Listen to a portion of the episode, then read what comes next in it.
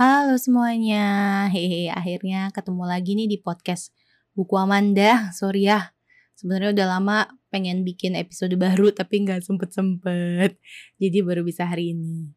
Uh, ada banyak buku yang sebenarnya mau gue review, tapi kayaknya untuk episode ke-12, gila udah 12 loh. Episode ke-12 kali ini gue mesti banget cerita soal buku rahasia keluarga by Oki Madasari dan alumni Om Institute buku ini bisa dibilang spesial ya, karena gue termasuk salah satu dari 26 penulis yang ikut menerbitkan ceritanya via buku yang diterbitkan oleh Gramedia Pustaka Utama. Yeah. Sebagai seseorang yang sudah mencoba menulis fiksi dari 2012, gue terus terang senang banget sih karena akhirnya gue dapat kesempatan untuk menerbitkan tulisan di penerbit major gitu. Wah, penerbit mayor, major, sebutnya apa sih? Major. Uh, kayaknya gue akan mulai cerita uh, tentang bagaimana sih awalnya kenapa gue bisa jadi ikutan nerbitin buku bareng Oki Madasari and the Gangs gitu ya. Jadi sekitar bulan Juli 2021 yang lalu, gue tuh daftar kelas menulis online Oki Madasari. Jadi Oki Madasari itu salah satu penulis Indonesia favorit gue dan banyak orang lainnya.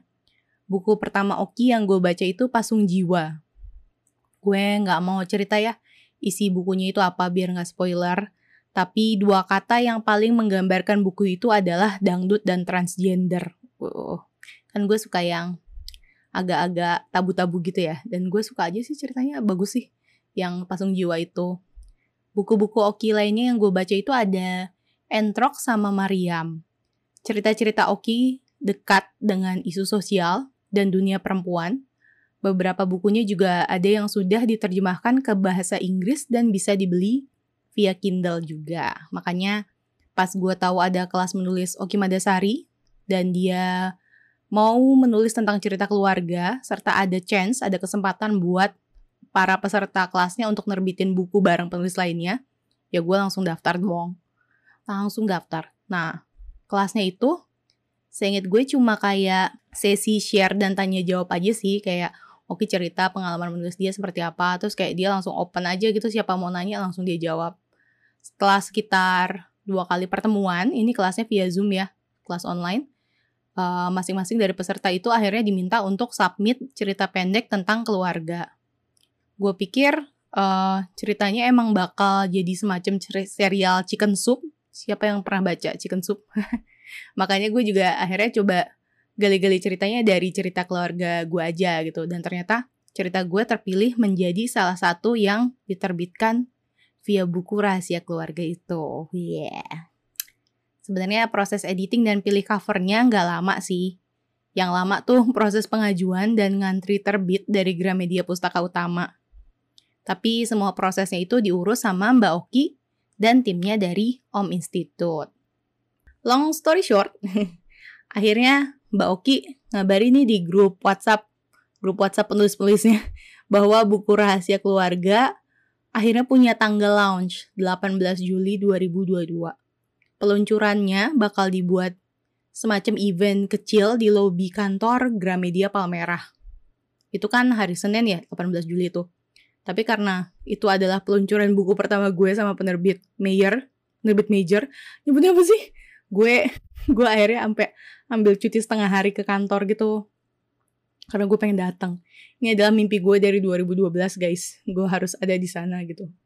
Nah semua penulis diundang untuk hadir tapi emang nggak semuanya bisa datang. Ada yang memang karena lokasinya jauh ada yang memang berhalangan hadir nggak bisa hadir. Tapi pas hari launching itu gue lihat sampai ada beberapa penulisnya tuh yang datangnya dari Makassar guys. Niat banget gue sih datangnya tuh untuk enjoy. Ya enjoying moment aja kali ya karena di pikiran gue waktu itu ya kapan lagi gue bisa nerbitin. Jadi gue cuma pengen hadir dan menikmati aja. Terus gue juga cuma pengen beli buku beberapa mungkin. Nanti mungkin setelah denger pidatonya Mbak Oki ya gue pulang. Terus tinggal kasih tahu nyokap sama teman-teman gue mungkin bagi-bagi bukunya gitu. Tapi ternyata saat acara itu saat peluncuran yang 18 Juli itu masing-masing penulis yang hadir itu disuruh ngomong depan panggung. gue nggak tahu. Iya pas gue dapet giliran pertama gitu sama satu penulis lainnya dan gue satu panggung sama Oki Madasari gitu. Gue nggak tahu sama sekali beneran pas namanya dipanggil gue yang kayak hah? Apa? Gue harus ngapain? Gitu. Ya terus kata pertama yang gue ucapkan waktu gue tahu nama gue dipanggil itu adalah mampus gitu. Karena gue bener-bener nggak tahu harus ngapain. Ah gue punya bakat. Gue tahu gue punya bakat jadi entertainer tapi ya gue asli introvert lah ya. Gue butuh waktu untuk persiapan gitu. Ngomong gini aja gue butuh persiapan. Lagi ada kamera terus katanya itu lagi Shopee live gitu. Mampus lah. Jadilah pas ditanyain gitu gue sih merasa gue berusaha untuk menjawab seklir mungkin gitu ya. Tapi tetap aja ngerasanya simple-simple bego gitu jawabnya. Tapi sudahlah. At least gue nggak nangis ya di atas panggung. Ya sudahlah nggak deng. Tapi gue rasa I did quite well lah. Meskipun saat ini gue sama sekali nggak ingat waktu itu gue jawab apa sih. Tapi dari acara launch itu gue jadi tahu bahwa uh, buku rahasia keluarga itu artinya sangat dalam untuk masing-masing penulisnya termasuk buat gue ya. Nah, gue mau cerita nih tentang ceritanya itu soal apa sih buku rahasia keluarga ini. Jadi, meskipun ada 26 penulis, tulisannya itu nggak strictly cuma 26. Ada 29 cerita, jadi ada beberapa penulis yang submit lebih dari satu cerita. Oki juga, Mbak Oki juga submit tulisannya. Judulnya Yang Beng. Jadi katanya Yang Beng itu awal mula cerita dari Entrok. Salah satu buku favorit gue dari Mbak Oki yang sebenarnya ceritanya tuh tentang kisah nyata Eyang putrinya Mbak Oki yang pada masa itu bisa dibilang entrepreneur entrepreneur yang cukup hebat lah ya udah perempuan tapi bikin usaha di masa-masa zaman sebelum zaman Belanda bahkan. Jadi Eyangnya Mbak Oki di masa lalu itu katanya sampai nekat jualan biar punya uang biar bisa beli entrok. Entrok itu artinya bra. Menarik kan? Baca makanya kalau itu tulisannya Mbak Oki ya judulnya yang beng. Kalau tulisan gue judulnya Eyang Putri diam di balik lemari selama tujuh hari. Gue salah satu kenangan gue masa kecil lah. Dan di situ gue pakai nama pena Rini Amanda. Gue malu lah kalau harus cerita lebih lanjut ya baca aja lah ya. Pokoknya waktu nulis tahun yang lalu, gue merasa tulisan gue udah cukup rapi gitu. Tapi baca sekarang kok kayak baru nyadar ada yang mendadak jadi nggak sinkron gitu. ya udahlah ya ternyata proses editing memang seperti itu gitu tapi dari semua cerita ya yang paling gue suka jelas tulisan gue sendiri ya gue senarsis itu. Uh, terus abis itu gue suka juga sama yang beng tadi gue udah mention. Terus gue suka juga sama ceritanya judulnya Fajar untuk Sasmita by Lugina WG gue suka ini tuh karena misterinya dapet gitu. Padahal sebenarnya bukan cerita misteri tapi cerita keluarga. Cuman gue suka banget aja kayak gue baca sempet dua tiga kali karena gue suka banget tulisannya terus gue juga suka sama jangan benci dia by Nani Chan. Sedihnya kerasa sih guys. Ini tentang poligami. Silahkan dibaca ya. Terus ada juga dalam setiap doa yang diaminkan dan maaf yang diberikan by Emeralda Aisyah. Judulnya panjang ya. Gue suka sama cerita ini karena ada satu bagian cerita di mana ibu, seorang ibu nanya sama anak perempuannya, Nak, gimana ya cara memaafkan diri sendiri? Hmm. Dan gue merasa itu adalah bagian yang sangat kuat dari cerita sih guys gitu karena ya kuat aja gitu kayak bagus banget. Terus gue juga suka bukan asrama perempuan by Rani Hastari dan pelajaran dasar by Irwanto Laman. Untuk dua cerita ini kayaknya gue tuh cukup terkesan utamanya karena gue mendengar bagaimana mereka menceritakan uh, latar belakang kisah mereka di panggung saat launching. Jadi kalau gue kalau gue tidak salah mengutip ya, ada uh, Rani Hastari yang kebetulan waktu itu emang duduknya sebelah gue gitu, tapi dia dapat gilirannya sekitar ketiga apa keempat gitu yang naik ke atas, naik ke panggung. Terus dia ngomongnya, kami baru tahu ada harapan tertentu yang melekat pada peran perempuan setelah kami keluar rumah. Kami baru tahu ada harapan untuk perempuanlah yang harus memasak, mengurus rumah tangga, setelah kami bertemu kerabat dan teman. Semua saudara, saudari kandung saya perempuan, dan di rumah ayah dan ibu berbagi tugas dengan adil. Kalau gue nggak salah, Rani waktu itu uh, ya ngomongnya kayak gitu kayak kenapa dia bisa bikin cerita bukan cerita perempuan itu karena eh bukan asrama perempuan itu karena ya di keluarga dia dia taunya bapak dan ibunya itu berbagi peran dengan sama adil gitu jadi dia baru tahu tuntutan tuntutan tuntutan terhadap perempuan itu setelah dia keluar rumah gitu mungkin karena gue mendengar itu gue jadi bisa melihat tulisan Rani nih dengan cara yang berbeda terus untuk yang pelajaran dasar by Irwanto Laman itu Mas Irwan ngomongnya kurang lebih sama sih. Dia bilang, ibu saya memberikan saya banyak pelajaran dasar, salah satunya menjahit, bebersih, dan memasak. Karena baik laki-laki atau perempuan membutuhkan keahlian tersebut. Dia emang bagus-bagus banget sih ceritanya. Ada juga pengantar penulis lainnya yang mereka ngomong saat lagi launching itu tentang kisah nyatanya dengan fertilitas. Ada juga kisah kerabat penulis yang tragis yang mengizinkan ceritanya disertakan dalam buku, tapi ada juga kisah penulis yang dimodifikasi sedikit untuk menambahkan bumbu cerita gitu. Ya, semuanya adalah di buku Rahasia Keluarga ya. Dari momen launching itu yang 18 Juli dan dari gue membaca buku ini, gue jadi benar-benar sadar bahwa nggak ada standar normal dalam keluarga. Semuanya unik, semua punya cerita masing-masing.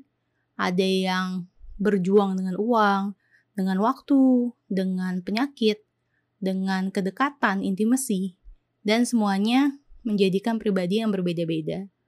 Waktu launching itu tuh gue bener-bener duduk dan mikir gitu, wow, ini orang ini nulis soal ini, cerita hidup dia tuh kayak gini gitu.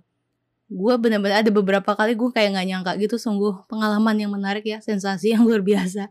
Makes me wonder kalau orang gak kenal gue, dan lihat gue kira-kira cerita keluarga macam apa sih yang mereka akan bayangkan. Tapi nggak perlu ngebayangin guys, gue udah tulis dikit kok di buku rahasia keluarga. Ya, yeah, ujung-ujungnya promo. By the way, karena launching itu, gue jadi tahu bahwa penulis-penulis buku rahasia keluarga menulis sepenuh hati, termasuk gue. Gue pernah baca quote soal menulis nih dari Ernest Hemingway. There is nothing to writing, all you do is sit down at a typewriter and bleed. Jadi nulis itu cuma duduk di depan mesin ketik dan berdarah. Katanya Ernest begitu nih. Namanya nulis apa pun bahkan yang bukan fiksi nggak akan bisa nggak ninggalin jejak penulisnya. Pasti adalah jejak penulisnya di sana. Ada kata tertentu, idiom tertentu, gaya cerita tertentu, perfeksionisme, uh, pembaca yang baik itu bisa merasakannya lah. Apalagi nulis fiksi akan ada momen di mana penulis tuh mikir uh, kalau yang ini aku include di dalam cerita kalau ada yang baca dan kenal sama gue mereka kira-kira tahu nggak ya ini apalagi emang rahasia keluarga isinya tuh emang cerita keluarga personal banget kan nah makanya kita bisa simpulkan bahwa cerita di rahasia keluarga ditulis pakai darah Gak sih, kok jadi mistis? Tapi enggak, ini memang maksudnya menulisnya pakai hati gitu. Terus jangan takut. Terus apakah bakal ada seri keduanya apa enggak ya gitu. Nggak tahu sih, sempat ditanyain juga sama Oki pas launching. Kalau laku sih mungkin ya katanya, makanya beli gitu. Pas gue nulis dan akhirnya gue baca, gue juga mikir ini jadinya mirip banget ya sama serial Chicken Soup for the Teenage Soul gitu. Tapi jadinya lebih apa ya, lebih dekat karena memang budayanya budaya Indonesia. Kalau dulu kan emang ya dari Eropa dan Amerika kan Chicken Soup for the Teenage Soul itu dan banyak soul lainnya uh, yang jelas gue suka sih meskipun sampai sekarang gue nggak pernah inget ceritanya apa aja yang ada di buku Chicken Soup itu pokoknya gue merasa sangat berterima kasih sama tim Om Institute sama Oki Madisari panutan Q dan Gramedia Pustaka Utama yang udah berbaik hati kasih kesempatan buat gue dan banyak aspiring writers lainnya untuk ngerasain tulisannya diterbitin sama penerbit besar. Udah gue nggak mau ngomong lagi, ngomong lagi nih major mayor gue bingung nih. Penerbit besar. 18 Juli 2022 di Gramedia Palmerah siang sampai sore. Hari itu gue merasa bener-bener kayak penulis guys. Gue itu mimpi gue dari 2012 10 tahun kemudian kesampaian. Terima kasih banyak. Thank you so much dan kalau misalnya kalian abis dengar podcast ini terus langsung pengen baca atau udah baca sebelumnya, thank you juga buat kalian. Terima kasih banyak. Semoga abis baca yang tadinya mungkin merasa sendiri, jadi menemukan cerita yang relate dan jadi tahu bahwa nggak ada yang namanya normal. There's no such thing as a normal family. Kita ini cerita yang menunggu untuk dituliskan. Oke, okay, sampai jumpa di podcast buku Amanda episode berikutnya. Salam buat keluarga ya. Love you.